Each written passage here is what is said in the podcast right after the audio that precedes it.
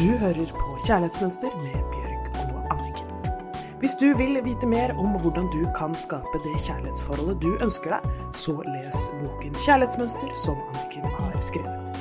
Boken Kjærlighetsmønster gir deg masse nyttig informasjon og praktiske oppgaver, slik at du kan skape det kjærlighetslivet du drømmer om. Velkommen tilbake til Kjærlighetsmønster med Anniken Lien Mathisen og meg, Bjørg Thoraldsdottir. Og jeg må bare si at uh, nå har jeg flere og flere venninner som har kjøpt boken din, Anniken, og alle elsker den. Og nå er jeg faktisk venninner som har kjøpt den til flere venninner igjen, sånn at de har lagd boksirkler, og de leser et kapittel, og så møtes de som om man har en bokklubb, men de har liksom kjærlighetsmønster klubb, så du har virkelig starta en ny trend. Det er helt fantastisk. Og så syns jeg det er veldig gøy at det Du sa til meg at du hadde liksom funnet ut at du ville leve ånde med kjærlighetsmønster og revolusjonere kvinners kjærlighetsliv og menns kjærlighetsliv. Så du har klart det. Så jeg ville bare starte denne podkasten i dag med å si gratulerer, kjære Anniken. Tusen takk, så hyggelig. Jeg blir så glad når du sier det. Og vi fikk jo faktisk inn en mail nå eh, for to dager siden hvor det var fra en kvinne som skrev at eh, vi har revolusjonert hennes kjærlighetsliv totalt etter oh, å ha hørt på podkasten. Mm.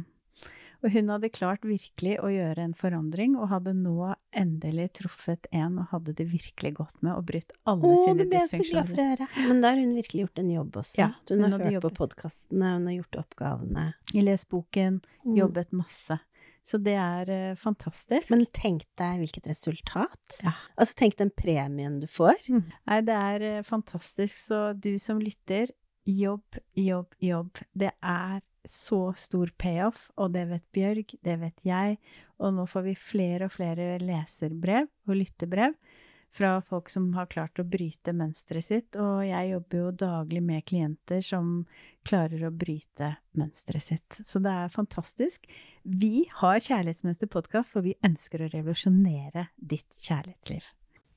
Du, i dag skal vi faktisk prate om eh, eh et tema som eh, tror de fleste kjenner seg litt igjen i. De fleste familier eh, har jo sine historier. De sier at det fins noe bak enhver dør. Og vi har fått inn et lesebrev fra en eh, kvinne som skal gifte seg for tredje gang. Hun er kjempeforelsket, har funnet en ordentlig fin mann. Hun har en familie som eh, syns hun er litt håpløs, som ikke støtter henne helt. Eh, de sier stygge ting til henne også høyt, og eh, hun har ikke noe lyst å invitere dem i bryllupet sitt.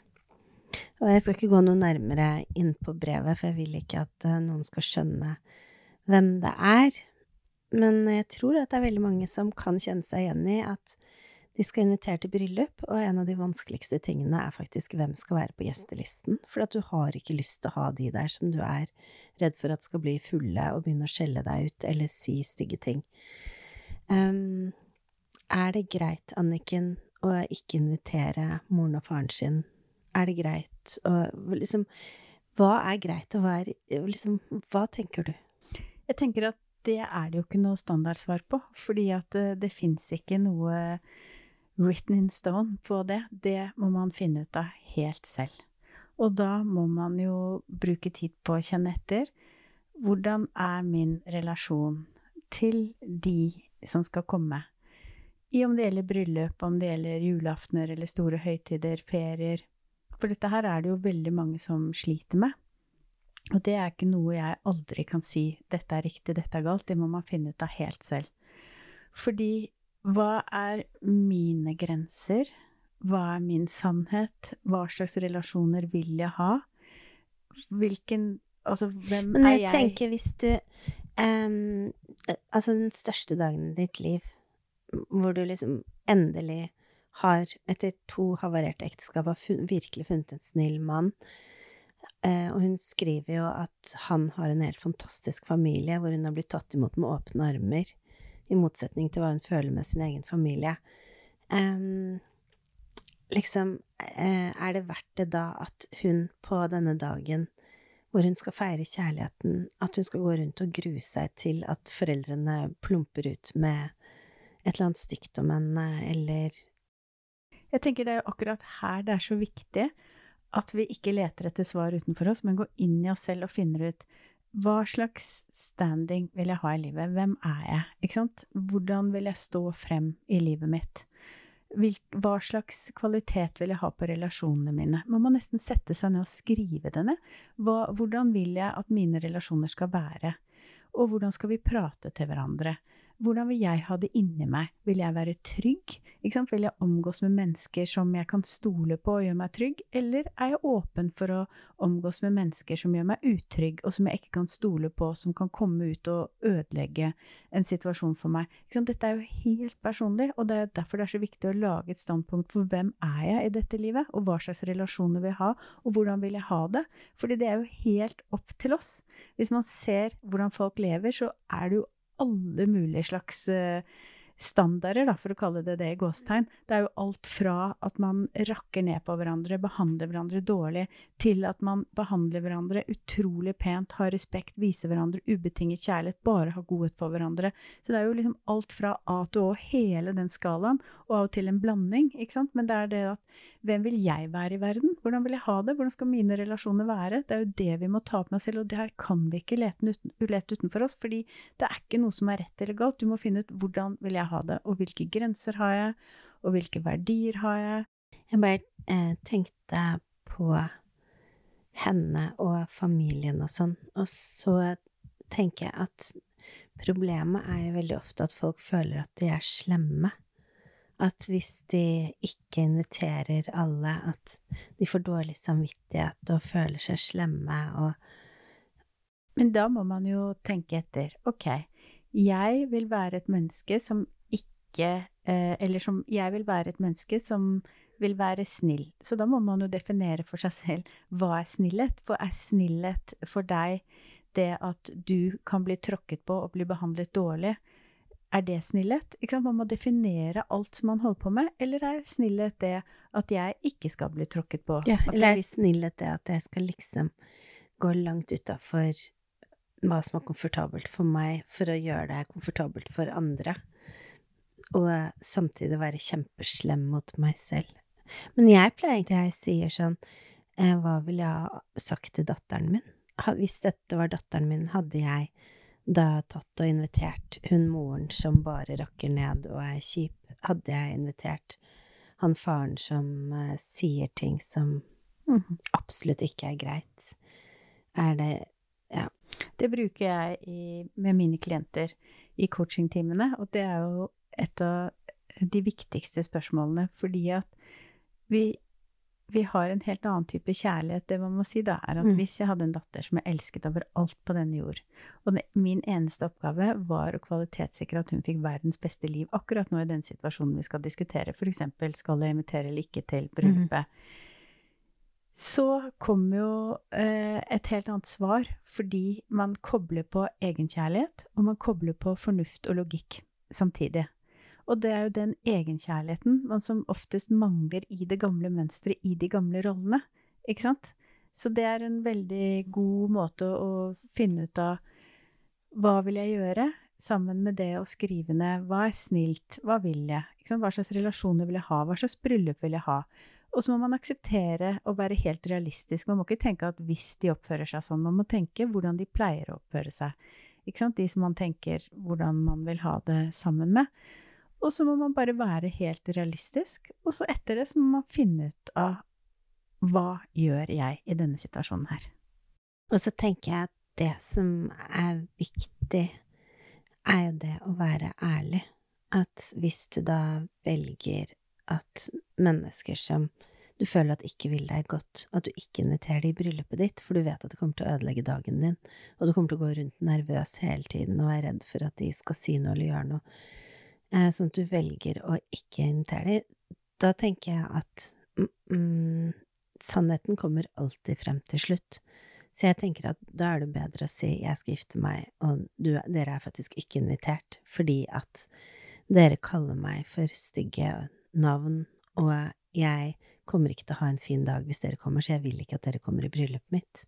og så være ærlig og si det rett ut, enn at de finner det ut et halvt år senere gjennom tante Magda, eller For at det, sannheten kommer alltid ut. Og jeg tenker at det er viktig i hvert fall å stå opp for seg selv, og så å si ting sånn som det er. Jeg vet ikke Eller men jeg tenker den letteste måten å, å kunne gjøre det på, da, det er jo grundig reflektert på forhånd. mm. Og funnet ut hvem er jeg, hva vil jeg, hvordan vil jeg at det skal være. Fordi at når man da setter de grensene f.eks. og sier at dere får ikke komme, så kan det jo ende opp med voldsomme reaksjoner. Og for noen vil jo det være veldig vondt å gå og bære med hele bryllupet og ødelegge allikevel, selv om ikke de er der. Men hvis man har tatt denne runden, grundig skrevet ned, stilt seg selv spørsmål, overveiet, ikke sant, så står man så mye mer støtt den dagen man tar det valget, uansett av hvordan de velger å reagere. Så det er utrolig viktig å gjøre et godt forarbeid på forhånd, og virkelig finne ut hvem er jeg, hvordan vil jeg ha det, uansett hvordan de reagerer. Er det sånn at eh, Det er sånn Det er egentlig sånn man kan komme til deg, og så ha en time hos deg, og så ha sånn refleksjon sammen med deg, kan man ikke det? Jo, nå tar jo ikke jeg bare én time, fordi at uh, jeg vil veldig gjerne hjelpe folk å bryte sitt kjærlighetsmønster, og sånne ting som det her henger jo veldig igjen i mønstre og gamle roller. Og da må vi jobbe sammen uh, over en viss periode for Mm. at jeg skal hjelpe. Vi er veldig opptatt av at folk skal få ordentlig hjelp, og det klarer jeg ikke på én time. Men det fins jo veldig mange som man kan spare med, og finne ut av det. Men det som er viktig, er jo at dette er en grunnleggende viktig ting i livet. Hvordan man forholder seg til andre mennesker og nære relasjoner. Så det handler jo veldig sjelden bare om dette ene bryllupet. Så det er veldig greit å rydde opp i disse tingene som vi har pratet om før, Bjørg. Å rydde opp i gamle roller, rydde opp i roteskuffen av gamle mønstre. Fordi det forplanter seg jo i alt.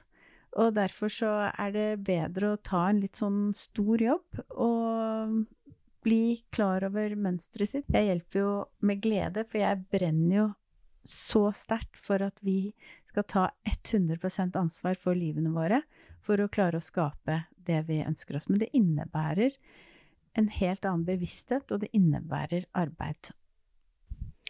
Ja, men, um, men hvis det er liksom ett eller to eller tre spørsmål som du kan bare hjelpe oss til, sånn som for eksempel hvis man skal ha en bursdag, eller hvis man ikke vil invitere noen på julaften, eller på sommer Nå er det snart sommer. Eh, hvilke liksom bare sånn, bare sånn veldig sånn enkle spørsmål er det man kan stille seg selv? Du har nevnt det litt tidligere nå, med hvem vil jeg være?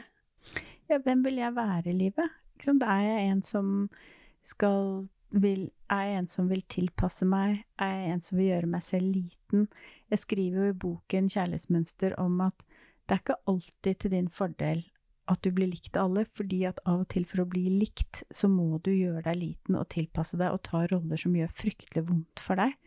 Så man må på en måte stå opp Er jeg en person som eh, alle skal like? Ikke sant? Det er viktig. Er det det du vil? Er du da villig til å tilpasse deg og gjøre deg liten? For du hører ofte sammen med. Fordi det er ikke sånn for de fleste av oss at vi liker alle. Og det betyr også da at alle liker ikke oss. Så det er en ganske stor jobb hvis du skal begynne med det. Eller vil jeg være en som er ærlig og setter grenser og vet at noen ting funker og noen ting funker ikke, og noen ting kan vi løse opp i, men da må begge parter være interessert i å løse opp i det. ikke sant? Så det er, liksom, det er så mange spørsmål du må stille deg selv, så hvis du skal ta det ned til to-tre, da, så det er hvem er jeg, hva slags rolle har jeg lyst til å ha i mitt eget liv, og hva er viktig for meg når det kommer til nære relasjoner. Og det tenker jeg kan være oppgaven. Skriv det ned, og legg merke til dine nære relasjoner, og finn ut hvem er du, hvilken rolle vil du ha, og hva slags relasjoner ønsker du å ha, og hvordan vil du at de skal være i livet ditt. Og vær ærlig med deg selv når du skriver det.